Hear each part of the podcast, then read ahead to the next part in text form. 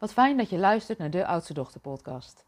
Mijn naam is Aike Borghuis en het is mijn intentie met deze podcast om je bewust te maken, je te inspireren van al die mooie kwaliteiten die je hebt als oudste dochter. En ook de valkuilen waar je soms in vast kan lopen. En in deze aflevering wil ik het graag met je hebben over wat ik regelmatig zie gebeuren bij oudste dochters. Namelijk, als ik het heb opgelost, dan vraag ik wel om hulp. Een valkuil die ik veel zie bij oudste dochters is dat ze het probleem eerst zelf willen oplossen voordat ze om hulp vragen. En misschien is dat ook wel herkenbaar voor jou. Ik doe het wel alleen. Oudste dochters zijn gewend om het zelf en alleen op te lossen. En dat heeft je waarschijnlijk ook veel gebracht. Tegelijkertijd kan het je ook belemmeren. Maar hoe komt het nou dat oudste dochters geneigd zijn om het zelf en alleen op te lossen? Je hebt nooit geleerd om om hulp te vragen en straalt uit dat je het zelf wel kunt. Veel oudste dochters zijn van nature gevers en je helpt liever dan dat je zelf om hulp vraagt. Tegelijkertijd kun je ook als oudste dochter merken dat je niet zo makkelijk hulp aangeboden krijgt. En dat is niet zo heel gek. Want onbewust kun je als oudste dochter uitstralen dat je het zelf wel aan kunt en oplost.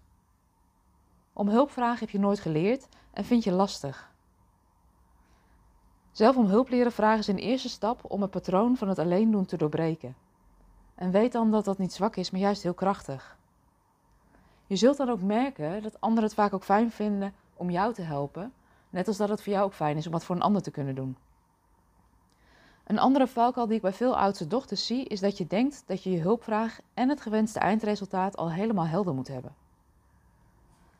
De kans is groot dat je denkt dat je zelf eerst uitgedokterd moet hebben wat er nou eigenlijk met je aan de hand is. Of dat je je vraag al helemaal helder moet hebben voordat je om hulp vraagt. En dat is een misverstand. Je hulpvraag mag juist gaan over helderheid creëren over je vraagstuk. Want als je je vraag helder had gehad en helder had kunnen formuleren, dan was de oplossing ook al veel dichterbij geweest en had je het zelf al wel kunnen oplossen. Wat ook al gebeuren is dat je midden in een situatie zit waardoor je de volgende stap niet meer kunt zien.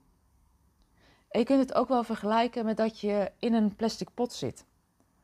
Als je zelf in die pot zit, dan kun je het etiket niet lezen.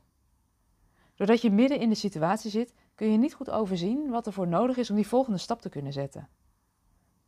Je hebt dan vaak iemand nodig die met een zekere afstand met je mee kan kijken en die je helpt om uit te zoomen. Die je spiegelt op je eigen blinde vlekken, om zo tot de kern van je vraag te komen. En die blinde vlekken die hebben we allemaal en ze heten niet voor niks blinde vlekken.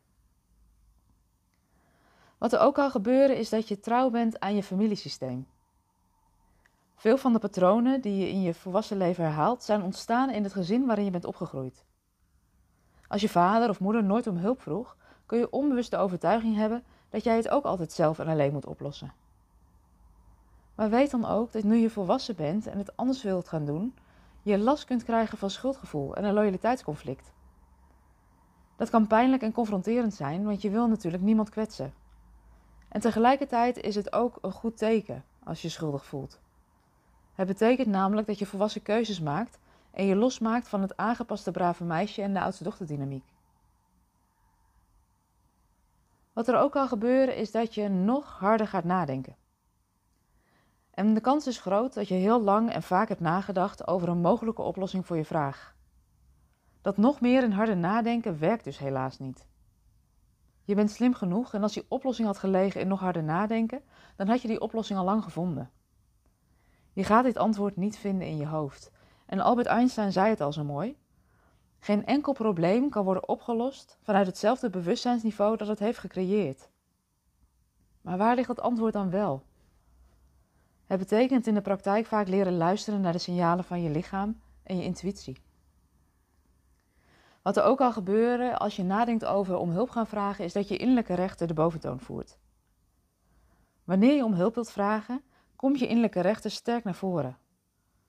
En wat ik bedoel met die innerlijke rechter is die stem die opmerkingen tegen je maakt.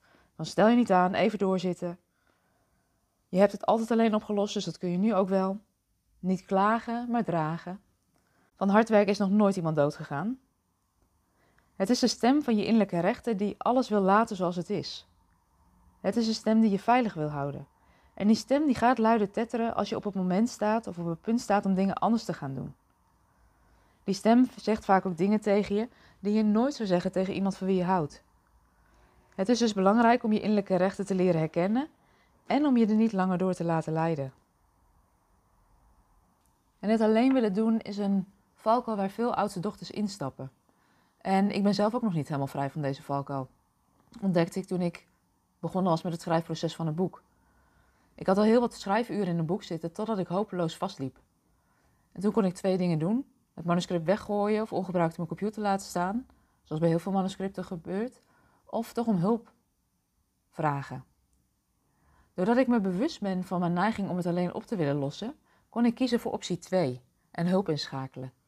En op dat moment werd ik me ook bewust van een diepere laag die maakt dat het zo lastig is om hulp in te schakelen. Want ik was tegelijkertijd ook bang voor de afwijzing. De afwijzing van de ander. Net zoals dat gebeurde in mijn middelbare schooltijd toen een docent Nederlands een kritische opmerking maakte over een opstel dat ik had geschreven.